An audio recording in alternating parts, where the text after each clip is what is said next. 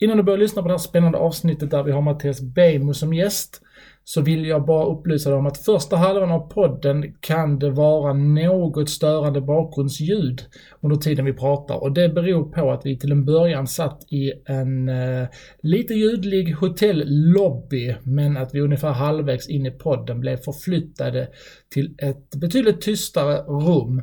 Så eh, ha överseende med detta och som sagt, det är ungefär bara halvvägs in i podden. Eh, sista halvan av podden så är det betydligt behagligare ljud och inte något störande bakgrundsljud. Så håll till godo, nu rullar vi podden.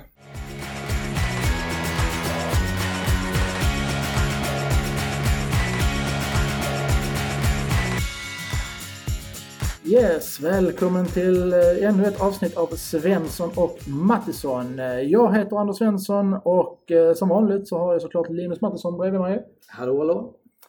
Idag blir det ett spännande och lite läskigt avsnitt faktiskt. För det kommer att handla om digitalisering men också hur vi blir övervakade och kartlagda i sociala medier. Eh, och med oss i podden har vi därför en gäst idag och det är ingen mindre än Mattias Beijmo som är författare, strateg, analytiker, föreläsare och expert på just detta ämnet. Många titlar men välkommen hit Mattias! Tack så mycket! Berätta lite kort. Eh, jag tänkte du ska få presentera dig själv lite djupare sådär. Vem är Mattias Beijmo för de som inte känner till dig? Och vad, ehm, vad jobbar du, sagt, vad är det du sysslar med och lite om din bakgrund och sådär. Mm. I mitten av 90-talet så eh, bestämde sig jag och min eh, gode vän Jonas Söderqvist oss för att vi skulle ha en webbyrå. Vi hade ingen aning om hur man gjorde webbsidor eller ingen aning om hur man gjorde någonting med det där men vi bestämde oss för att vi skulle ha det. Um, för, för, att någonting som heter Norsk Stålförbund hade frågat om vi kunde laga en hemsida. Och då satte vi oss rygg mot rygg i ett gammalt kostymförråd på en friteater som var vårt kontor och så gjorde vi en hemsida. Och det var det mest anskrämliga hemsida som mänskligheten någonsin har skådat. Ehm, men det där ville sig inte bättre än att vi sen eh, fick frågan av ett stort norskt stålföretag, eller en global stål, stålkoncern som heter Fundia, om att laga deras hemsidor. Och det var ju massor av hemsidor de hade ingen vid det här i 95, 90, vi pratar ju 90-tal. Mm, liksom. Mm, mm. Eh, och då sa vi att nej men vi spelar ju musik, vi spelar i samma band och vi skulle spela in en platta och sådär. Men så, så tittade vi att ja, men det här kunde man göra på sidan om lite grann kanske. Eh, och det här sidan om blev då att vi plötsligt fick flytta ur det här kyffet och den här eh, det, kostymförrådet då, och bli på riktigt då. Eh, men sen så efter 90-talet tog slut så eh, lämnade jag webbyråbranschen och eh, hade väl en idé om att jag inte skulle jobba med det så mycket mer men så blev det inte utan jag började jobba med analys och strategi istället. Och det har jag gjort sedan 99 då. Ehm, för banker, försäkringsbolag, mediaföretag, alltså you name it. Vi har jobbat med Skandinaviska Enskilda Banken väldigt tidigt, eh, jobbat med Schibsted väldigt tidigt och Aftonbladet och så. Ehm, men sen för några år sedan, sju, åtta år sedan så gör vi väldigt få uppdrag för kommersiella aktörer utan har gjort det mest för non-profit som eh, fackförbund, eh, medlemsburna, idéburna förbund som, som tror på någonting. Då. Och um, det här har lett fram till att eh, jag också har sett, börjat se mer och mer då de etiska, juridiska och demokratiska baksidorna på internet. Uh, och det ledde sen fram till uh, boken jag skrev, De kan inte stoppa oss, som kom ut förra året. Som är en slags liksom, vändpunkt verkligen för mig när det gäller digital utveckling. Ja, den handlar ju om, vet jag, att, um, hur myndigheter och stat, stat och myndigheter kartlägger oss mm. sociala medier. Den boken. Ja, även uh, företag. Men, men det är helt rätt. Ja. Mm, mm. parentes, du nämnde Aftonbladet.se. Ja. Du var med i Aftonbladet.ses linda eller? Ja, inte lindan. Utan det, deras, när de gick ur lindan och skulle vidare mot framtiden och, och så, då var jag med och hjälpte dem och, och jobba för dem. Ja. Hette han Kalle, där gamla webb Ja, precis. Ja, just just det. Ja, parentes. Ja. Men som sagt, vad, vad är det som har liksom kittlat dig till att grotta ner det så mycket där? För det här är ju onekligen den mörka sidan av digitalisering och sociala medier som vi gemene man sällan tänker på eller ens ser eller reflekterar ja. över. Vad är det som gjort att just du kommer liksom att ägna nu mm. ditt arbetsliv åt detta? Ja. ja. det började med att jag jobbade med flyktingsituationen kring Medelhavet på plats. Jag jobbade i Grekland och i nu 2015? Ja, Grekland, Turkiet. Um, och fick ju där då dels en uh, vansinnigt nära inblick i de otroligt svåra förhållanden som, som uh, Europa och även Sverige ser till att de här stackars flyktingarna får eh, försöka överleva. Men dessutom så förstod jag i då liksom kontakter med framförallt syriska flyktingar och även sen efteråt att hur det digitala både hade varit liksom helt avgörande för deras frihetskamp, oppositionens fredliga kamp mot Assad-regimen. Eh, men också hur samma teknologi var den som i många fall hade gjort det möjligt för Assad och hans säkerhetstjänst att förfölja dem och så vidare. Jag blev intresserad av, liksom, eftersom jag är tekniskt intresserad och digitalt intresserad, hur det här hade gått till och på vilket sätt och så vidare. Och började redan då smågrotta i det här. Eh, och sen så skrev jag och min flickvän en, en, bok om den här första upplevelsen kring Medelhavet som heter Båt 170. Eh, som även har en del tekniska konnotationer. Eh, men när den var klar och utgiven då bestämde jag mig för att ja, men jag tror jag ska skriva om den här eh, enormt tydliga tvegade svärdet då. Där eh, friheten och demokratiutvecklingen naturligtvis hjälps väldigt väl av digitala medier. Men blir ju också ett jätteviktigt verktyg för stater och andra aktörer att hålla reda på. Om oss, det kan vara om vi nu kämpar för vår frihet i Syrien eller om vi är oppositionella i Ungern eller om vi i framtiden är oppositionella här i Sverige. Så är det samma sak för oss. Eh, och det var den, att vi, eftersom det, ja, den europeiska utvecklingen går inte åt rätt håll när det gäller demokrati i många länder så blir det ju allt mer aktuellt för oss också. Sen en parentes också att vi kan uppleva som lite störande bakgrundsljud här. Det är för att vi sitter i en hotellkorridor. Eh, och det springer lite folk här. Men vi hoppas att eh, ni ska ha överseende med detta såklart. Eh, det som var intressant som slår mig liksom att den här tekniken som kan verka rätt så harmlös som, som privata företag använder för att sälja på smart och dryck och kläder och så vidare är samma teknik som används av regimer för att mörda människor. Det är onekligen kontraster. Det är ju den det är, det är så det funkar. Ja, det är så det funkar. Uh, och det, det, är ju det är intressant, men så har ju teknologi alltid varit om det handlar om uh, olika former av uh, radioaktivt, radioaktiva ämnen för att de används i både fredligt syfte mm. och även i, i ett krigsförande syfte. Eller om det handlar om krut, bara det liksom naturligtvis också ett tvegat svärd.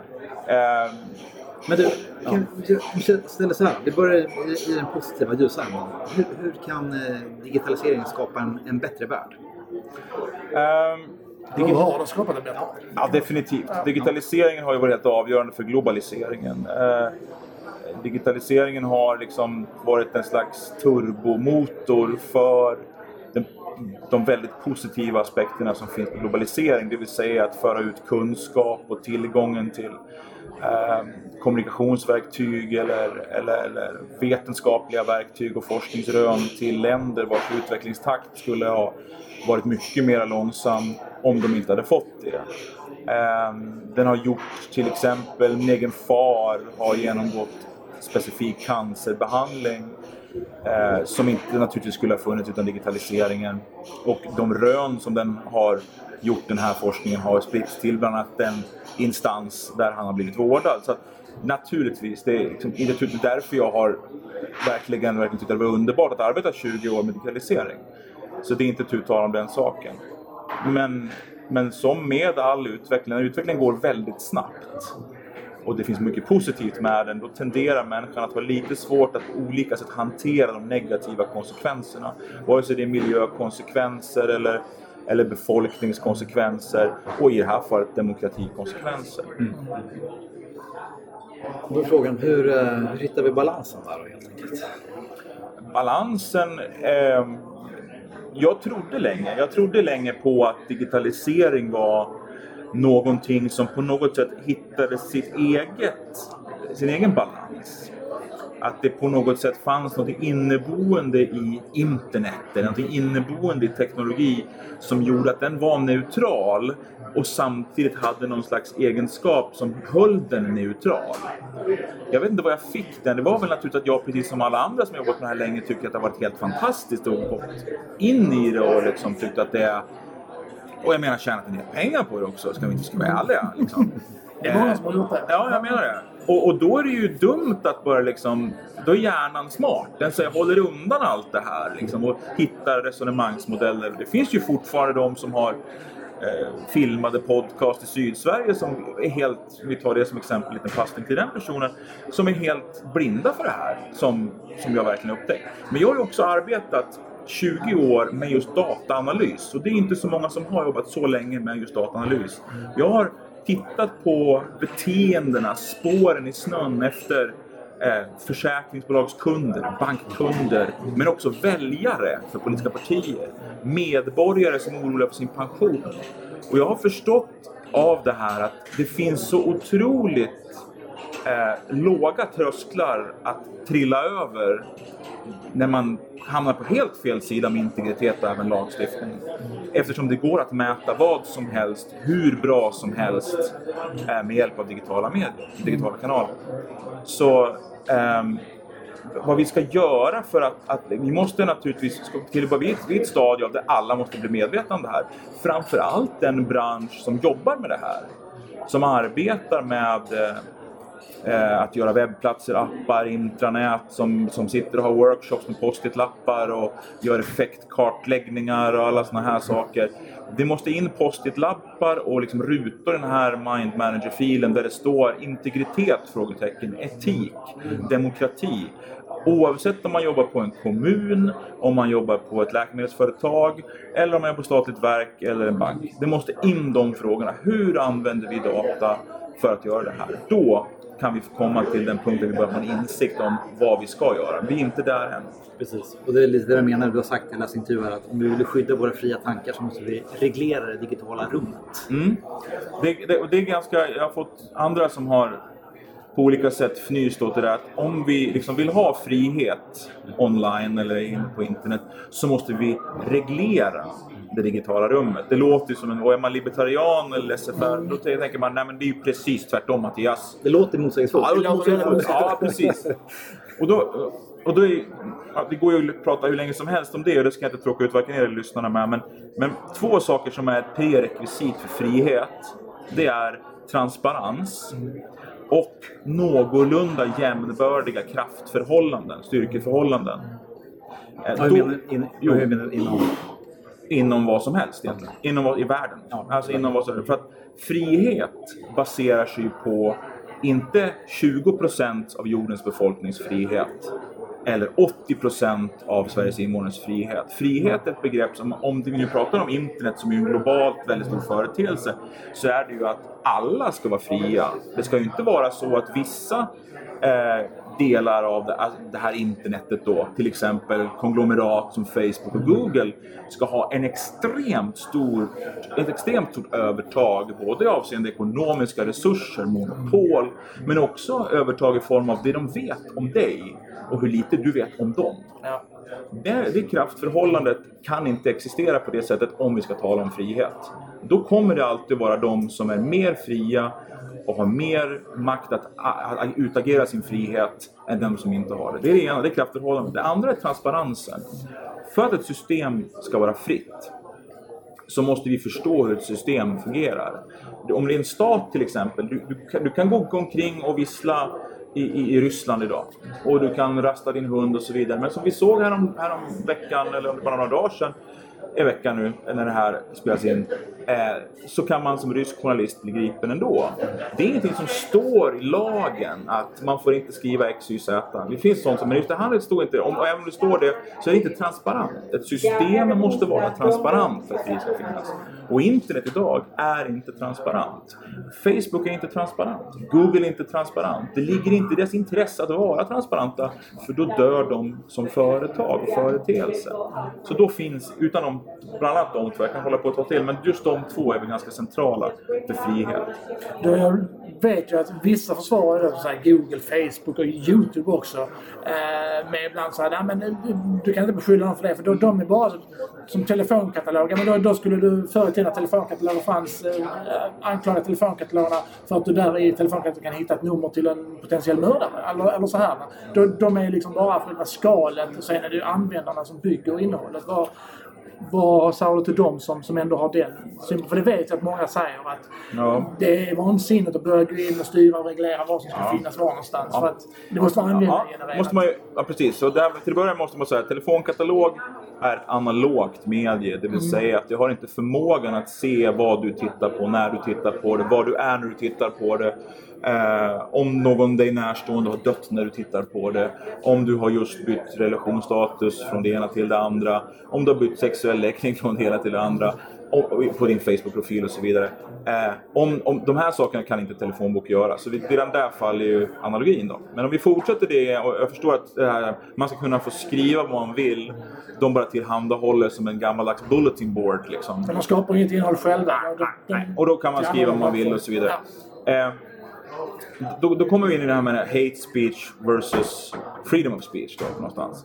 Och då har du ju, om, man, om, det, om det är så att det här, om det här mediet når till 100 000 individer eller 500 000 individer, men om det är 2,4 miljarder individer som nås potentiellt sett av innehållet på Facebook.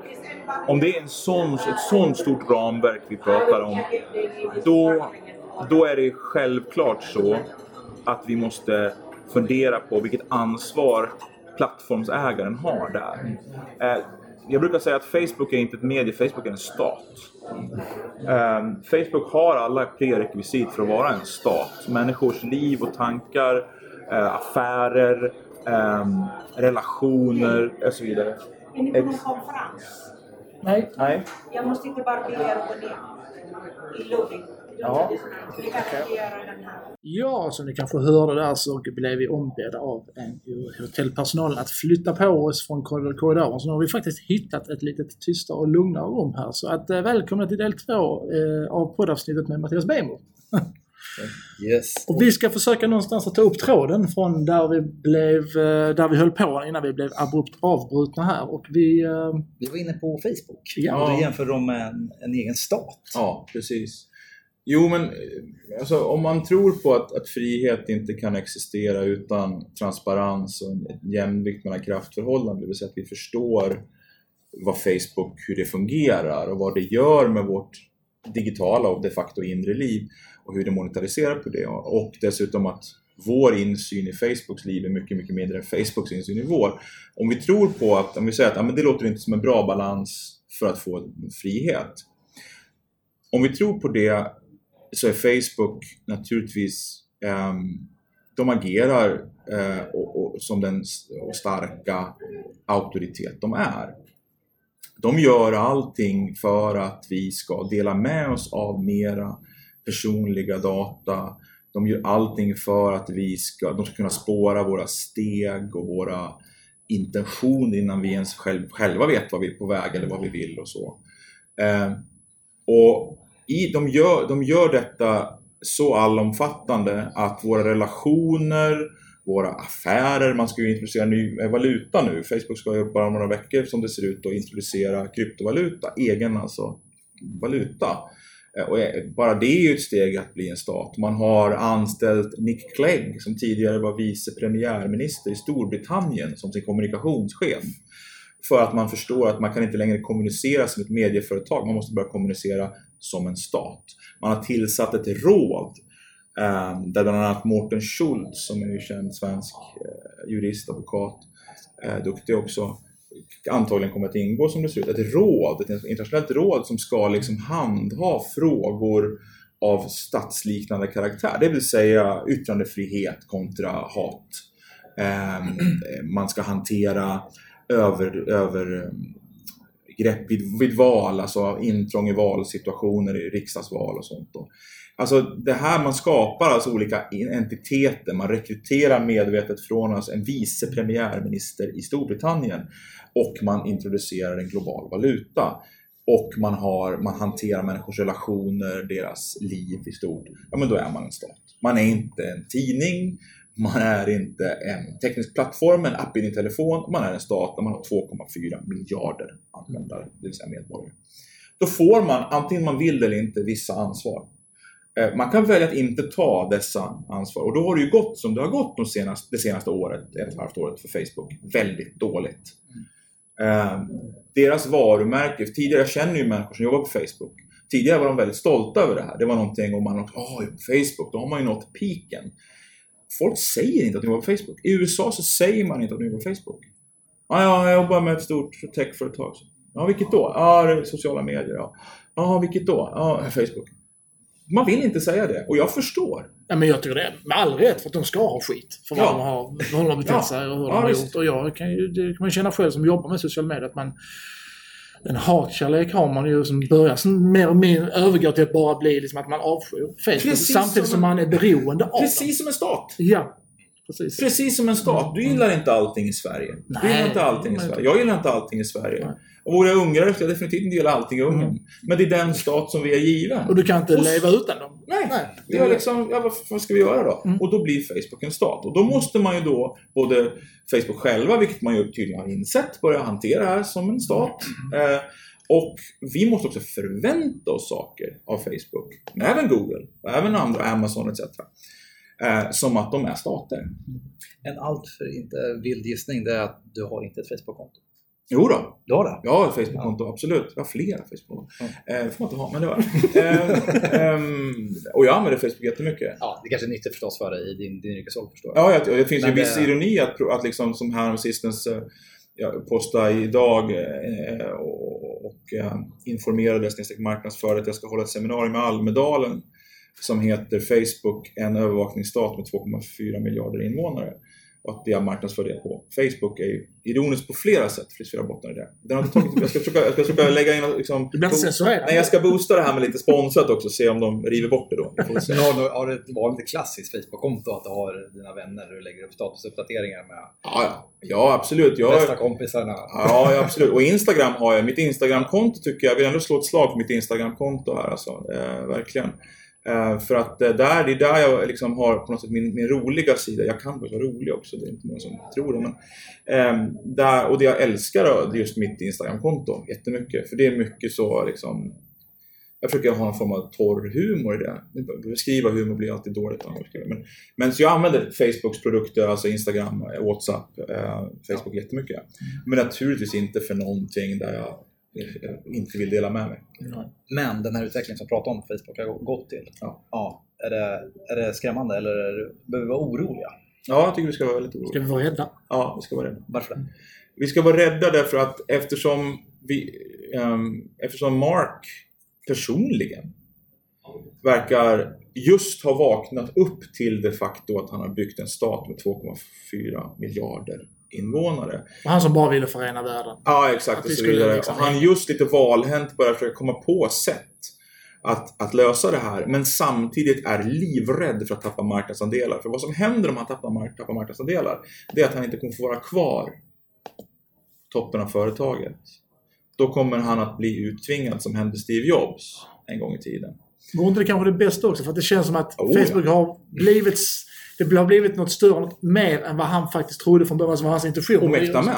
Ja, alltså ja, ja. han är inte, han har inte de, alltså han, han är ingen statsman. Det här är en liksom kodare som började koda för att bli populär och få tjejer en gång i tiden. Ehm, och det är liksom, nu har han tjej och barn och sådär, jag vet ingenting om det, men, men han, hans drivkraft har aldrig varit eh, någonting demokrati eller någonting altruistiskt. Det har varit att göra någonting som ger honom eh, på något sätt status och något sätt pengar och så vidare. Och det är det som gör mig rädd. Om det fanns någon annan eller några andra som drev Facebook och det fanns klara, tydliga, systematiska saker i både företagets uppbyggnad och dess sätt att bygga nya tjänster inom sin, sin, sin produkt. Då hade jag trott på dem. Men jag tror att de är livsfarliga. Men jag tror att det, det turliga är att de, kommer, de håller på och gräver sin grav mycket effektivt. Det känns lite som att han har byggt Frankensteins monster någonstans. Exakt. Att Frankensteins monster kommer liksom att Exakt. förgöra sin skapare Ja, någonstans. så är det. Ja. Mycket Facebook nu, men om vi går in på andra stora Mm. jätten då, Google. Ja, Vad säger du om Google? Ja, men det är ju lika illa såklart. Skillnaden är att Google inte är ett socialt medie utan, utan tittar på andra delar av vårt, våra interaktionsmönster. Vilket gör att de inte kanske upplevs lika läskiga. Men börjar man gräva i Google så är de minst lika läskiga som Facebook i sitt sätt att använda data. Och sätt att sälja data och, och också monetarisera på data. Google är också, till skillnad från Facebook, en så extremt vital grundplatta för allt vad vi bygger på internet. Vare sig det nu gäller artificiell intelligens som det kallas ibland, men även vad som helst egentligen med, med den sökmotoroptimering som man alltid måste bygga in för att kunna bli sedd och så vidare på internet. etc. De, och de har såna, eh, sån, sånt monopol på att kanalisera våra intentioner till kommersiella eller andra typer av kunskapsresultat. Och är den här mellanhandeln globalt eh, så starkt. Och att man också då är villig att eh, i Kina till exempel, Project Dragonfly då, som man, man ena dagen ska köra och sen så blir de anställda arga och så säger man nej vi ska inte in i Kina och försöka, för där, vad man gjorde där i Dragonfly för att förklara lite grann, det är att man gick med på den kinesiska statens begränsningar av en eventuell Google-sökmotor där. Eh, alltså en, en slags filtrerad och censurerad Google-sökmotor. Det tyckte man var helt okej för att få komma in i Kina. Och då var de Google-anställda högt uppsatta också irriterade och hotade med att sluta. Vissa var slutade. Och då backade man från det här. Men senaste vad jag hörde om det här då är att man har inte helt backat. Man har sagt att vi gör inte exakt som vi tänkte från början. Och det här visar bara på att det som driver de här företagen, det är ingen altruism. Det är ingenting om att making the world more open and connected eller don't be evil. Det är företag som vill tjäna pengar. Det är inget fel i det, men vi ska inte tro att de på något sätt sätter demokrati eller rättigheter i första rummet. Och det är fine, alla företag behöver inte göra det. Men om man har den här statsliknande positionen som de har fått, då måste samhället i övrigt, den riktiga staten, den riktiga världen, måste kräva det av dem. De måste, man måste gå in och kräva det. Att, ja, men ska ni fortsätta så här så finns det vissa krav. Jag ser fram emot att prata om Facebook som en stat. Jag bara ser det som framför mig hur liksom det, det svenska skattesystemet och skattesamhället bara slås i spill och Ja. nationalstaten upp, upphör Ja. någonstans. Ja. Det verkar ju som att det är dit vi är på väg någonstans. Och jag kanske inte nödvändigtvis tycker att, att nationalstaten har något egenvärde i sig, men jag tycker inte att Facebook-staten staten har något eh, egenvärde i sig heller. Ehm, Men skattesystemet i Sverige. Ja, det, det, det kan ju finnas en ganska god poäng med det. Eh, eller väldigt god poäng med det. Ehm, jag kan någonstans tycka att... Eh, Jag behöver kika lite på den här. ja, nej, det Nej, är på. kör. Kika på. Ehm, jo, jag kan på något sätt tycka att, att, att eh, digitaliseringen gör ju möjligheten till att man kanske inte behöver vara så beroende av nationalstaten längre för arbete eller för Eh, allt möjligt i relationer eller, eller i sig själv, egen utveckling eller kunskap. Att gå på ett universitet, om man bor i ett afrikanskt land så kan man gå på, på Oxford liksom, eller, eller på Stanford. Eh, det är skitbra och det, nationalstaten har ju tidigare begränsat det här och inte slått sönder det, så det är ju jäkligt bra. Men vi ska ju inte e-, så var ju internet tänkt från början. Vad vi har fått nu är ett annat internet där istället för idén Berners-Lees idén med ett fritt, öppet internet, det har vi ju inte längre. Vi har ett Google-internet, vi har ett Facebook-internet. Och det förstärks ju med både Google men kanske framförallt Facebooks otroliga vilja också att tillhandahålla internetuppkoppling till utvecklingsländer. Som naturligtvis gratis kan gå in på just Facebook men andra saker kostar pengar per minut eller någonting sånt där. Och samarbeten man har med svenska Telia till exempel om att surfar man på Facebook och Instagram, ja då är det gratis. Men går man in på andra tjänster, ja då kostar det pengar. Då, då går det surfkostnad liksom. Den där typen av mekaniker är liksom ehm, Ja, men då, då, då, då blir det en ny typ av stat istället för grundidén med internet som är ju till för att faktiskt sudda ut olikheterna och ojämlikheterna i världen. Precis. Du, eh, jag ska bara säga här. Hur enkelt är det egentligen att kartlägga oss? Behöver vi tejpa över kameran på datorn eller? Nej, ni behöver inte tejpa över några... Ska jag ta ut min iPhone och Ja, ja. Det beror på. Alltså, jag, när jag skrev boken så, så hade jag naturligtvis kontakt med en mängd olika människor som inte har någon alls lust att av olika anledningar eh, upptäckas eller bli kända eller så. Och där fick jag ju ta till ett antal olika metoder som, som naturligtvis inkluderar bra mycket mer än att tejpa över kameror. Men i mitt dagliga liv tejpar jag inte över några kameror. Jag håller inte på att flytta telefoner in i mikrovågsugnar heller för den delen. Eh, det tycker jag inte någon bör göra för att alla de här stora, Facebook, Google och så vidare, de tar reda på det de behöver ändå om oss. Vi behöver inte de behöver inte lyssna på vår telefon som det ofta brukar sägas att Facebook gör och så vidare. De räknar ut vad vi är på väg både emotionellt och rent geografiskt ändå.